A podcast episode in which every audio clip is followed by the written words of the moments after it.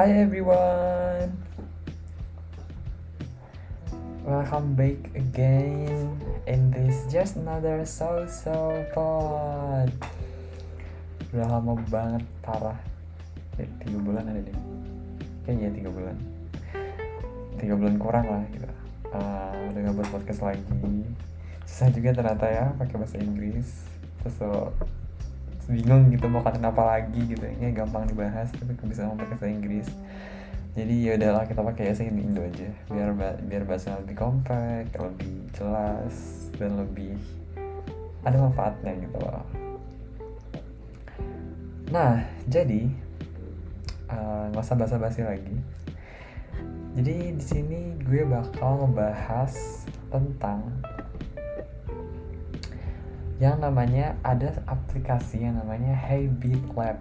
Dan dan ini baru gue pakai sebenarnya sih seminggu gitu seminggu dua minggu seminggu sih kayaknya. Uh, dan gue pikir mungkin bakal change my life gitu loh ke depannya gitu. Change my uh, screen life gitu jadi menurut gue ini sangat bermanfaat gitu buat di share dan ya makanya gue buat podcast ini gitu. Nah jadi sebelum masuk ke apa apa sih apa sih si habit lab ini nih ya? Nah jadi sebenarnya nih lanjutan dari podcast gue yang dulu dulu ya namanya ada folk behavior model. Nah kalau misalnya belum tahu nih yang belum tahu folk behavior modelnya apa bisa langsung refer ke sana. Dengerin aja. Kalau nggak cari-cari di internet aja udah udah selesai kok udah aman tuh lengkap banget dan itu benar-benar referensinya bagus banget.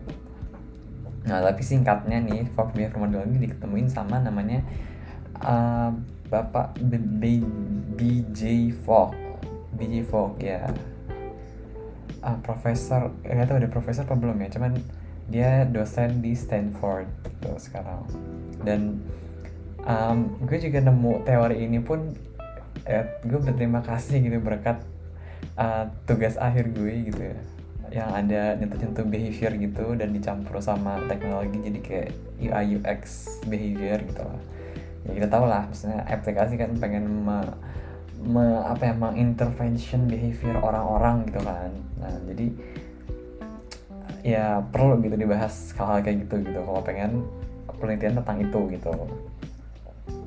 Nah jadi si FBM ini gampangnya dia tuh kayak ngasih tahu sebenarnya apa sih yang mempengaruhi behavior manusia gitu apa aja sih. Dan dia ngasihin tiga hal.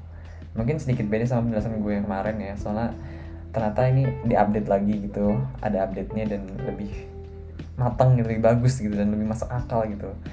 Nah jadi si apa behavior model ini dia ngeliatin tiga gitu. Ada motivation ada ability ada trigger gitu. Ada tiga.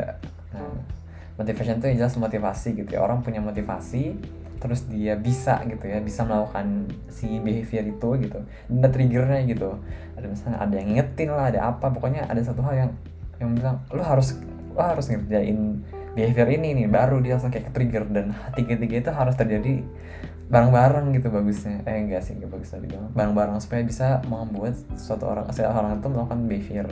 Dan yang menariknya lagi sebenarnya yang belum sempat bebas sebelum itu yang ya motivasi ini nggak bisa diintervention gitu. Maksudnya susah banget gitu. Motivasi ini naik turun di setiap orang dan setiap waktu juga beda-beda gitu. Jadi kita, uh, eh, kita misalkan misalkan kalau dalam konteksnya orang yang buat UX itu tuh uh, ngebilangnya tuh kita harus mengikuti motivation mereka gitu. Bukan untuk meningkatkan motivationnya karena itu suatu hal yang ya apa ya kayak manipulatif banget gitu lah. Kayak meningkatkan motivasi tapi enggak. Tapi kita menyesuaikan sesuai dengan motivasi mereka gitu.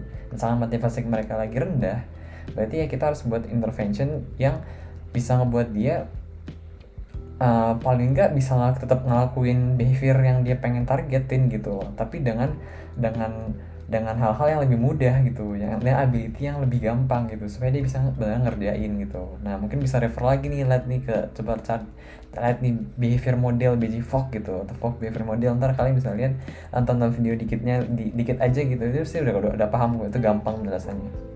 Nah jadi ya gue nggak mau detail ke FDM ini cuman nah dari situ dia tuh dia kan ngajar di Stanford Behavior Design Lab namanya. Dan kalau kalian tahu jadi salah satu muridnya dia itu sebenarnya muridnya tuh dikit banget nih di lab ini. Kayaknya emang uh, Stanford nih labnya nggak tahu ya mungkin beda gitu definisi lab sama lab di kita gitu ya di Indonesia ya. Cuman jadi katanya kata beliau dia tuh katanya dia cuma menerima mungkin 5 sampai 8 students gitu loh di setiap tahunnya. Dan dia ngebukanya itu nggak cuma buat anak Stanford doang tapi buat di luar juga gitu. Gue juga sempet sempet pengen ikutan teman kayaknya waktu itu requirementnya kayak nggak cocok apa gimana gitu ya. Cuman jadi ya udahlah gitu nggak bisa ikutan. Nah terus tapi ada highlightsnya juga sih. Itu salah satu murid itu namanya Tristan Harris. Nah kalau misalnya kalian belum tahu Tristan Harris siapa langsung dari US jadi dia tuh merupakan salah satu co-founder ya? Co-founder apa? Ya pokoknya penemu dari Center for Humanitech yang yang si lembaga ini kayaknya non profit sih. Kayaknya ya nah dia inisiator dari The Social Dilemma yang rame banget tuh nih di, di Netflix nih. Kalau kalian belum nonton nonton dulu deh. Menurut gue itu bermanfaat sumpah beneran bermanfaat gitu dalam konteks apa pun yang sekarang ini uh, serba online, screen dan sebagainya, sebagai sebagai sebagai sebagainya gitu. Nah, jadi si nah jadi uh, di si di behavior design lab ini sebenarnya mereka juga udah banyak ngembangin framework framework gitu macam-macam uh, ada behavior design jadi kayak design untuk intervention behavior jadi lebih baik lagi. Terutama banyak itu pembahasan tentang health gitu ya. Jadi kayak uh, orang kan pengen ubah behaviornya nih jadi dari dari jarang dari jarang olahraga jadi sering olahraga supaya jadi lebih sehat lebih sering bisa bisa bisa apa namanya ya bisa membahagiakan keluarga juga bisa pengen memperpanjang umur juga dan ya banyak lah manfaat lainnya gitu kan olahraga. Cuman kan banyak banget nih orang manusia nih juga ya makhluk kompleks gitu ya kan. Jadi uh, gimana caranya supaya kita bisa mengintervention behavior ya dan lebih baik lagi gitu. Supaya mereka beneran bisa behavior change gitu loh bisa mengubah behaviornya menjadi lebih baik lagi. Nah terus ya ada macam-macam lagi nih. Dia juga ada nama screen time. Jadi mungkin kalian bisa langsung aja uh, reference ke screentime.stanford.edu itu bagus banget sih. Nah jadi gue pengen jelasin dari dari mana nih gue nemu habit lab dari sini. Jadi gue pasti iseng-iseng aja kan lagi emang lagi pengen nyari literatur lagi. Ternyata wah ada screen time nih. Jadi dia kayak ada website. Simple sih UI juga simple aja. Nah terus uh, ya dia ngasih tahu jadi kayak uh, ini si si si screen time ini kayak dia Jenny gitu. Jenny itu apa sih yang kayak jin-jin yang di kayak aduh apa sih? Yang digosok-gosok di itu ya. Uh, ah nggak tahu namanya lupa. Pokoknya itu deh. Jadi uh, gue Jenny yang ungu itu loh. Jadi ceritanya dia dia tuh pengen dia si karakternya dia ambil karakter itu dan kayak ceritanya kita pengen minta minta permintaan gitu ke dia. Permintaan supaya gimana sih caranya supaya bisa ngasih solusi uh, supaya bisa nur nurunin screen time kita gitu. Paling nggak sesuai dengan target yang kita mau. Jadi apa aja kayak dimasuk suruh masukin nama uh, beberapa data dikit lah gitu. Ya mudah-mudahan lah terpercaya lah dari Stanford gitu ya. Terus habis itu uh, sama target kita gitu. Maunya ngapain mau ngurangin screen time nya gimana. Kayaknya nggak terlalu detail cuman di akhir itu dia kayak ngasih solusi beberapa uh, beberapa solusi yang mungkin uh, bisa kita lakukan nah di situ ada banyak macam-macam solusinya. Salah satu gue dapat ada beberapa yang kayak gue tuh ada yang mati notifikasi untuk beberapa aplikasi dan itu gue juga sudah melakukannya. Apalagi untuk Instagram. Dan it works a lot gitu ya. Maksudnya uh, kita jadi egois sih. Gue jadi jarang uh, buka Instagram lagi karena emang uh, notifnya gue matiin gitu. Jadi kalau lagi beneran available buat buka Instagram. Ya gue buka Instagram dan gue baru liat notifnya di Instagramnya gitu loh. Daripada bukan notif di push notifications gitu yang di depan layar screen time eh lock lock screen kita gitu. Nah terus habis itu nah terus dia juga ngasih salah satu nama habit lab. Nah habit labnya apa? Lab ini kalau dia uh, di Chrome itu sebagai kayak plugins gitu. Plugins jadi ya anggap apa ya bukan ya aplikasi gitu lah cuman di ditempelin di di Chrome gitu lah ya gampangnya. Terus dia juga ada di Android juga bisa nggak tahu di iOS bisa apa enggak ya? Kayak nggak tahu ada yang bisa. Nah jadi pas gue cobain di Habit Lab di laptop gitu ya gue cobain jadi kayak ngasih tahu uh, apa namanya uh, jadi kalian targetnya mau ngapain nih terus mau kira aplikasi apa aja eh aplikasi enggak kalau kalau ini kan uh, Chrome tuh berarti website website apa website apa aja nih yang pengen uh, kita turunin screen time-nya? Netflix kah YouTube kah apa something something gitu ya. Hmm, terus abis itu nah dia juga ngejelasin kayak kira-kira nudge apa aja nih yang lo pengenin gitu buat ngebantu lo supaya ngurangin screen time itu gitu. Nah ngomong-ngomong nudge nah jadi gue pengen bahas dikit nih ngomong nudge nih uh, nudge itu kan kalau di translate Indonesia kan dorongan gitu ya. Nah dorongan ini apaan sih nih? Nah jadi sebenarnya juga pengen gue bahas nih di podcast selanjutnya kayaknya tapi nggak tahu kapan sih. Nah jadi si nudge ini tuh uh, apa sih gitu? Nah si nudge ini dorongan ini uh, gampangnya gitu ya. Gampangnya ya sesuatu yang bisa ngebuat kita apa ya terdorong gitu loh. Terdorong untuk melakukan sesuatu gitu. Jadi gampangnya gitu simpelnya nah ini dibahas di banyak dipelajarin di psychology gitu ya. Dan menarik banget sih menurut gue. Lebih menarik daripada perinformatikaan coding coding gitu ya. Terus abis itu nah, jadi si Nudge ini tuh Uh, ini dari ini gue dari, reference buku Nudge ya. Judulnya Nudge juga gitu N U D G E. Itu covernya depannya tuh kayak ada gajah gitu. Yang warna kuning cover. Tapi kan berubah gitu sekarang atau ya. Nah itu menarik banget tuh. Itu simple uh, ada beberapa bah bahasan gitu ya. Bahasan yang bagus banget dan jadi kayak reflect gitu loh ke diri gue gitu loh. Jadi gimana sih kira-kira gue pengen ngasih nudge buat diri gue sendiri soalnya kan tentang human gitu kan. Gue human gitu ya. Jadi kayak gimana sih caranya supaya gue gue maksudnya gue baca ini tuh gue juga mengaplikasikannya di diri gue sendiri gitu loh. Nah jadi nudge ini uh, yang gampangnya tuh nudge itu bisa buat for good or for worse gitu loh. Ya semuanya mungkin gitu kali ya for good or for worse. Dan uh, yang satu hal kayak yang menarik banget buat gue ini tentang ada namanya choice architecture.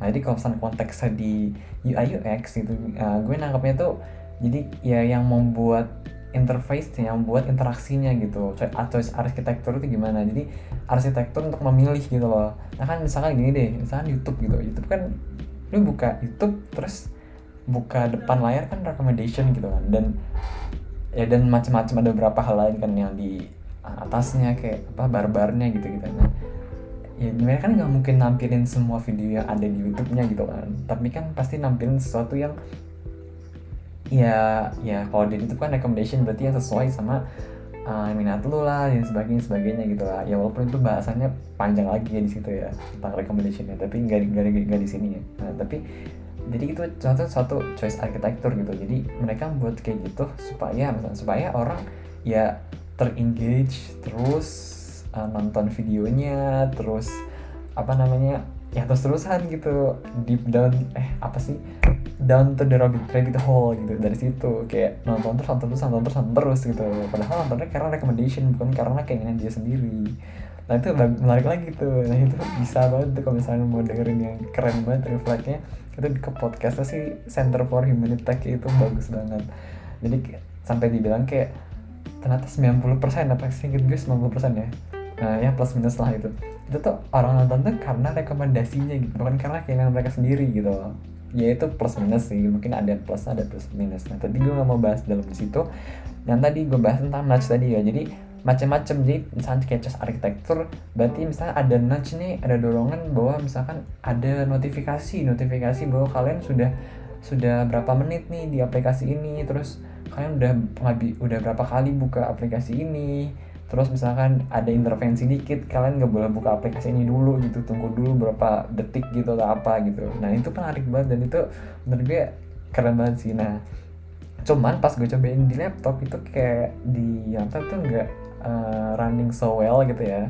Ternyata pas gue cobain di, di Android itu running so well gitu. Jadi mending cobain di Android dulu sih. Soalnya Android kan konteksnya lebih bener aplikasi ya. Soalnya kalau di Google Chrome kan website jadi website kan macam-macam banget kalau ini kan aplikasi kan lebih lebih inilah lebih apa namanya ngerucut gitulah ngerucut ke mana gitu. Nah, jadi kalau di kalau di HP itu emang bentuknya downloadnya APK gitu.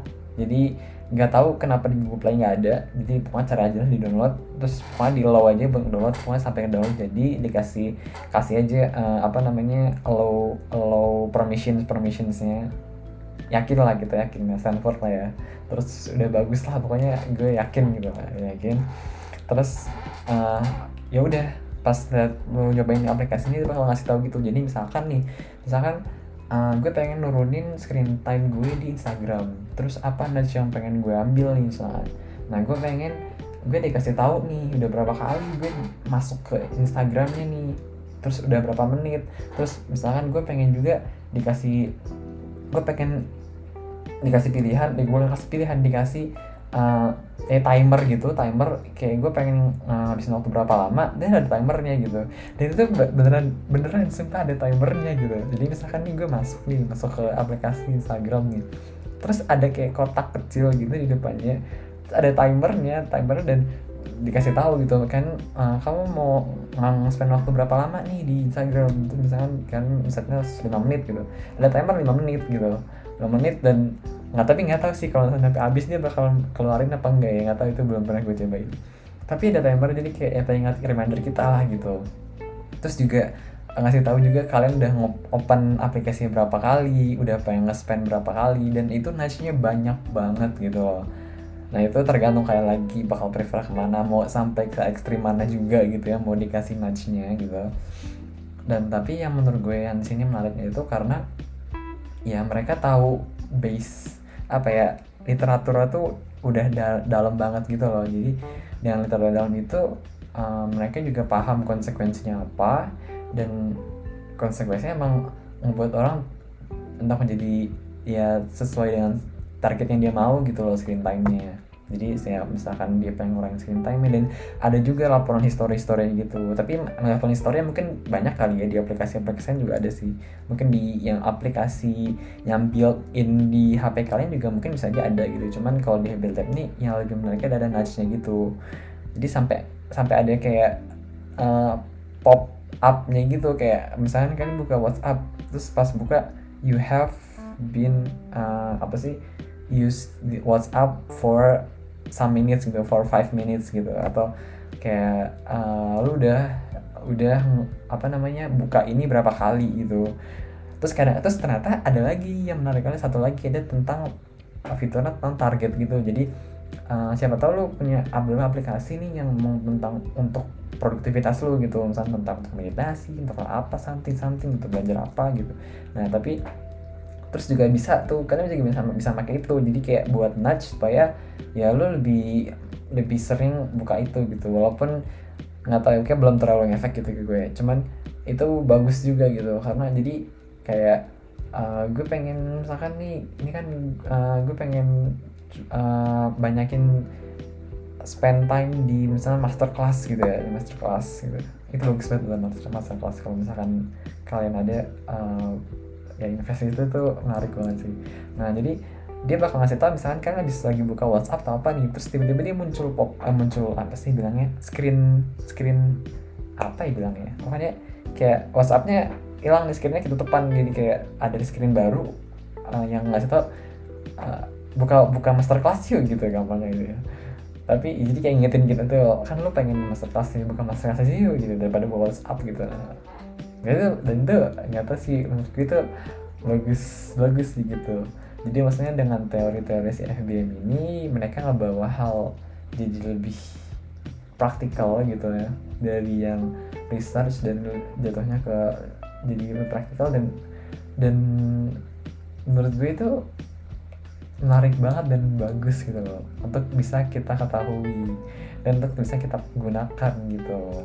Karena ya semakin dunia kita dengan makin perolainan ya mungkin teknologi hologram dan sebagainya itu masih jauh ya. Nggak tahu sih cuman sih cuman ya rasanya sih masih jauh gitu ya.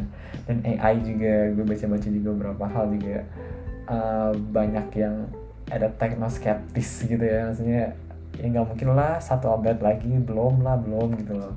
Belum belum kayak belum belum bakal benar se se apa kayak ada di film-film gitu enggak lah enggak gitu. Nah jadi uh, ya dengan kita coba merester gitu gitu loh kita juga jadi paham bahwa ya we have value gitu loh. Kita punya kontrol terhadap apa yang kita mau gitu loh. Jadi bukan emang bukan screen yang mengontrol kita tapi ya kita mengontrol screen kita gitu loh. Dan emang sih kalau mau dibilang solusinya tuh dari maksudnya soal masalah teknologi di segmen teknologi lagi ya ya why not gitu loh. Why not? Kenapa enggak gitu? Kenapa enggak? Ya udah kita pakai aja gitu dan ya it also help me gitu loh. Mungkin dulu juga gue sedikit skeptis terhadap hal itu cuman lagi ke sini oh good gitu loh bagus banget gitu dan gue merasa wah ini asik banget nih buat misalnya di mana pelajari lagi lebih lanjut nih dibanding ini dan uh, ya I hope this podcast will ya enlighten sedikit gitu ya tentang apa sih habit lab ini gitu. Dan di apa sih habit lab dan apa di balik itunya gitu loh. Beyond that ya. Kalau misalkan kalian pengen menggali lebih lanjut lagi bisa langsung reference cari aja folk behavior model gitu. Atau habit lab applications. Atau kalau mau lebih lebih kayak tertarik lagi nih sama bahasan-bahasan tentang isu-isu ten isu-isunya teknologi gitu ya isu-isu sosial dan sebagainya itu bisa juga masuk ke podcastnya si uh, Center for Humanity Tech gitu. Dan wah menarik banget dan asik banget deh gitu. So tadi udah kesimpulannya udah gitu ya. Dan ya gue selesai dulu sampai sini aja. Lumayan lama juga ternyata kayak udah 20 menitan lebih gitu ya. Dan I hope yeah, this will enlighten a little bit gitu about this topic dan helps you a lot with your screen time apalagi dengan kondisi pandemi ini serba online. And then stay safe stay healthy. Jangan lupa protokol kesehatan. Dadah semuanya. Bye bye